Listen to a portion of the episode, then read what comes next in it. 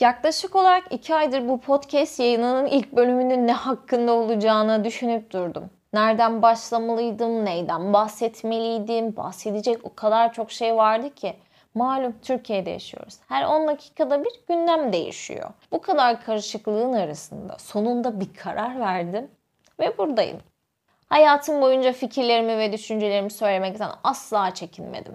İnsanlar benimle aynı düşüncede olsun ya da olmasın. Eğer bir şeyin doğru olduğunu düşünüyorsam birileri beni desteklesin ya da desteklemesin. Aynı fikri paylaşalım ya da paylaşmayalım. Düşüncelerimi söylemekten çekinmedim.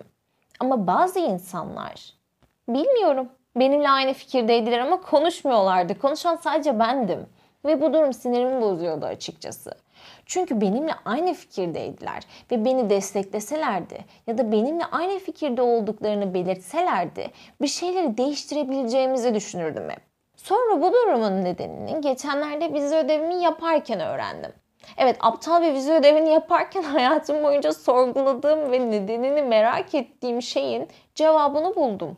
O benimle aynı düşünceye sahip insanlar konuşmuyor, seslerini çıkarmıyordu çünkü bizler azınlıktık ve onlar toplumun bir parçası olmak istiyordu. Toplumdan dışlanmamak için kendi benliklerinden vazgeçiyorlardı.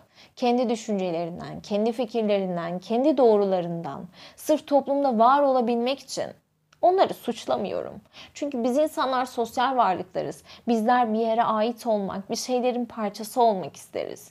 Bunu anlayabiliyorum. İşte bu duruma Alman siyaset bilimci Elizabeth Noel-Newman suskunluk sarmalı adını vermiş. Eğer bir bireyin düşüncesi mensubu olduğu toplumun genelinin görüşlerine uymuyorsa birey düşüncelerini söylemekten çekinir, kısıtlar ya da susar.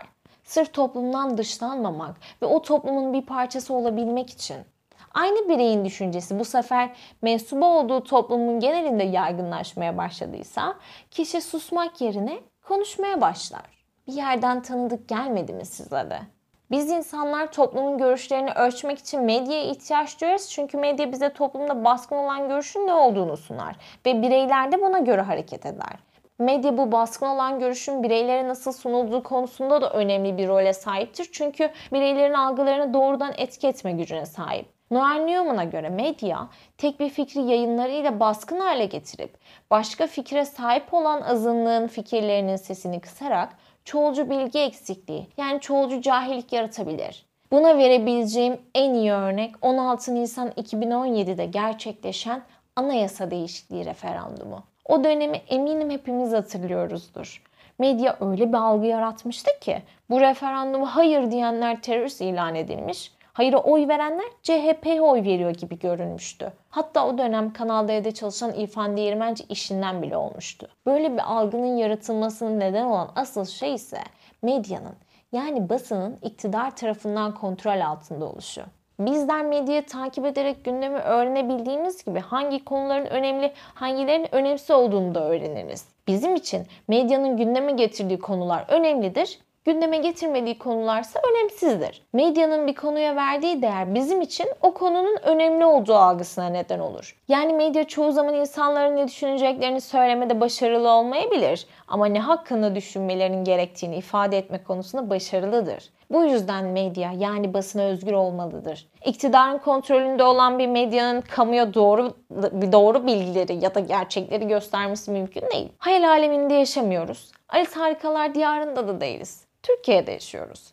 Bu ülkede basın özgürlüğü kanunu olmasına rağmen bu kanun uygulanmadığını, sık sık yayın yasaklarıyla ve sansürlerle karşılaşıldığını da biliyoruz. Bu ülkede öldürülen ve tutuklanan binlerce gazeteci var. Sırf iktidarı eleştirdikleri için, sırf iktidarın çıkarlarına hizmet etmedikleri için. Bizim toplumumuzun genelinde yanlış olan bir bakış açısı hakim. Bizler için devlet babadır, babayı eleştiremezsin, babaya saygı duymalısındır. Bu yüzdendir ki gazeteciler iktidarı eleştirdiği zaman kamu tarafından desteklenmezler. Aksine kamu tarafından linçlenirler. Ama kamunun unuttuğu, iktidarın ise bildiği bir şey var ki yasama, yürütme ve yargıdan sonra gelen dördüncü güç medya. Medya kamuya çalıştığı için kamunun algılarını etki etmekte çok da zorlanmaz. Bu yüzden iktidarlar medyayı kontrolleri altına almak ister. Çünkü medya bir şeyleri değiştirebilir. Toplumumuzda var olan bu bakış açısını da değiştirebilir. İktidarın kontrolünde olan bir medyanın bu bakış açısını değiştiremeyeceği gibi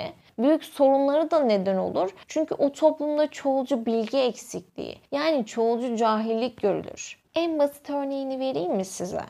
Ülkemizde yıllardır eşcinselliğin bir hastalık olduğu, dinen eşcinselliğin günah olduğu yönde binlerce yorum var. Ama bunların hepsi yanlıştan ibaret çünkü eşcinselliğin bir hastalık olmadığı, bunun doğuştan gelen bir şey olduğuna dair bir sürü argüman mevcut. Ama bizler 21. yüzyılda enformasyon çağında hala daha eşcinselliğin günah ve hastalık olduğundan bahsediyoruz. Çünkü bu topluma yaratmak istedikleri algı bu. Toplumlar eşcinsellik gibi tabu olarak gördükleri bu konuları asla konuşmazlar. Görmezden gelirler ve görmezden geldikleri için çoğulcu bilgi eksikliğinin her daim sürmesine neden olurlar. Bu da medya üzerinden kamuyu kontrol eden iktidarın işine gelir çünkü bu algıyı yaratan da odur. Bu yüzden basın özgürlüğü dediğimiz şey çok önemli. Yapılan tek bir yanlış ya da yalan haber toplumun bazı kesimlerinin çıkarına uygunsa ve o kesim çoğunluktaysa o haberin doğru olduğu düşünülür ve geriye kalanlarsa toplumdan dışlanmamak ve tepki çekmemek için susar.